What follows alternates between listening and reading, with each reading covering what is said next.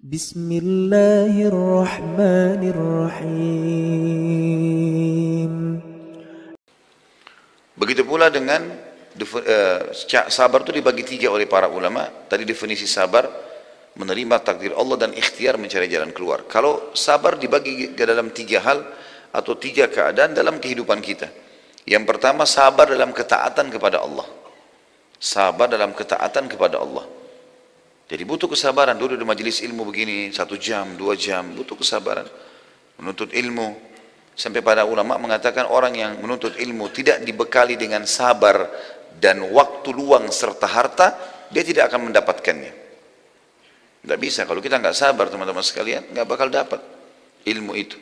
Kalau kita nggak sabar untuk bangun sholat malam, untuk sholat, walaupun mengantuk, tidak akan dapat pahalanya.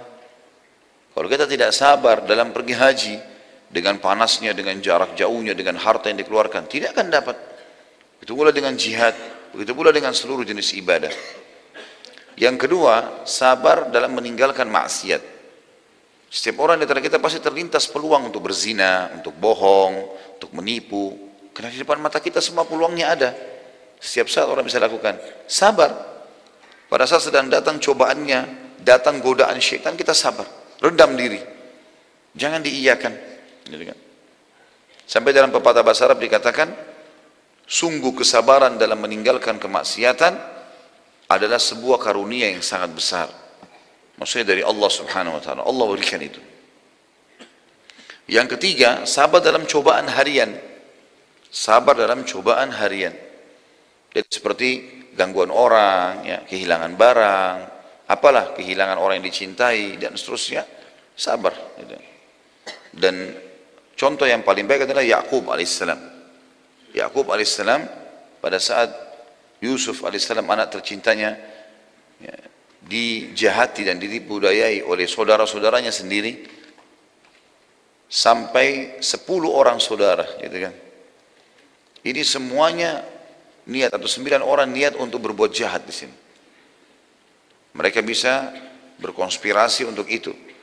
Maka Yakub alaihissalam cuma mengucapkan inna ma ashku bathi wa huzni ila Allah.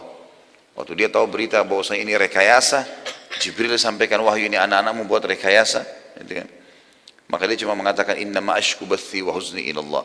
Saya hanya keluhkan kesedihanku dan permasalahanku kepada Allah. Gitu. Tentu teman-teman sekalian, pahala sabar hanya akan didapat kalau sedang terjadi. Dan orang-orang sabar ini luar biasa. Inna yulaqqas sabiruna ajrahum bighairi hisab kata Allah. Orang-orang sabar itu akan mendapatkan balasan pahala tanpa ada perhitungan. Gitu kan? Dan kata Nabi SAW, tidak ada sesuatu yang paling mulia yang dikaruniai oleh Allah kepada seseorang melebihi kesabarannya. Emang sabar di sini. Bedakan teman-teman sabar dengan pengecut. Jauh beda sekali. Kalau misalnya ada seseorang berbuat kezaliman kepada kita, lalu kemudian kita membela diri kita, itu tetap orang sabar ya. Karena sabar adalah menerima takdir Allah lalu kemudian dia ikhtiar maksimal. Itu sabar tadi definisinya. Jadi jangan juga orang mencaci maki kemudian kita diam. Enggak. Bukan itu maksudnya. Kita coba luruskan. Gitu kan? Nasihati. Luruskan kesalahannya. Kalau tetap saja sudah kita tinggalkan. Yang penting kita sudah ikhtiar.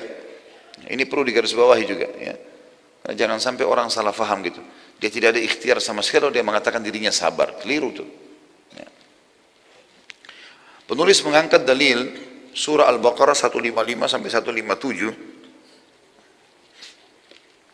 A'udzu billahi minasyaitonir rajim wa lanabluwannakum bisyai'in minal khawfi wal ju'i wa naqsin minal amwali wal anfusi wath thamarat wa basyshiris sabirin.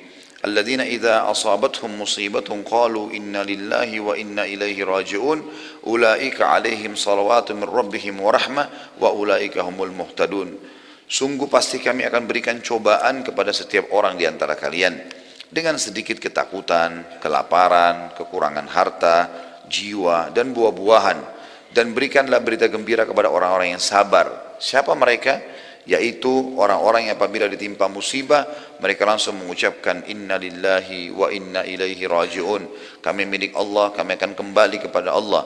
Mereka itulah yang mendapatkan keberkatan yang sempurna dan rahmat dari Robnya dan mereka itulah orang-orang yang mendapatkan petunjuk.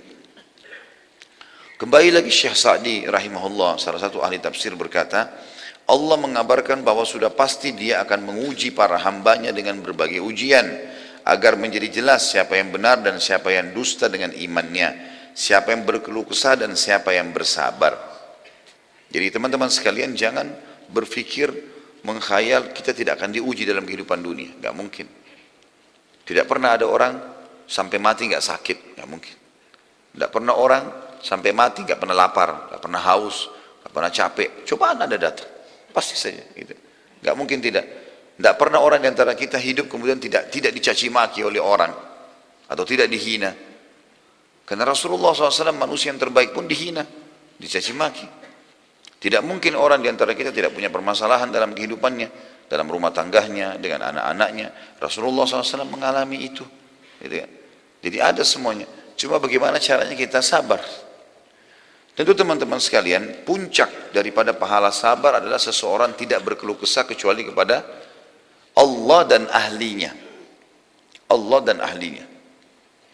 Jadi dia mengeluh kepada Allah SWT tentang musibah yang sedang datang, kemudian dia menanyakan orang-orang yang bijak, yang kira-kira memang ahlinya di situ. Misalnya dia sakit, dia konsul sama dokter. Boleh dia berkeluh kesah. Ditanya apa sakit, oh dada saya yang sakit, punggung saya yang sakit. Harus dia sampaikan. Ini boleh kena ahlinya. Tapi kalau semua orang, jangan. Jadi, semua orang. Ada orang flu satu kampung tahu dia flu. Semua orang tahu. Untuk apa ini? Saya flu, saya flu, saya flu semuanya. Sabar ya. Kalau ahlinya silahkan. Kalau enggak apa gunanya kita ngomong sama dia? Enggak ada manfaatnya. Hanya akan mengurangi kadar pahala saja. Hanya akan mengurangi kadar pahalanya. Ini adalah sunnatullah kata beliau para hambanya kepada para hambanya karena sekiranya kegembiraan terus diperoleh orang-orang yang beriman dan mereka tidak menerima satu ujian pun niscaya akan terjadi percampuran yang notabene-nya adalah kerusakan.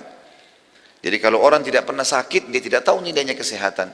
Kalau dia tidak pernah e, melalui kehilangan dia tidak tahu bagaimana menghadapi ya, atau mensyukuri nikmat yang sedang ada itu.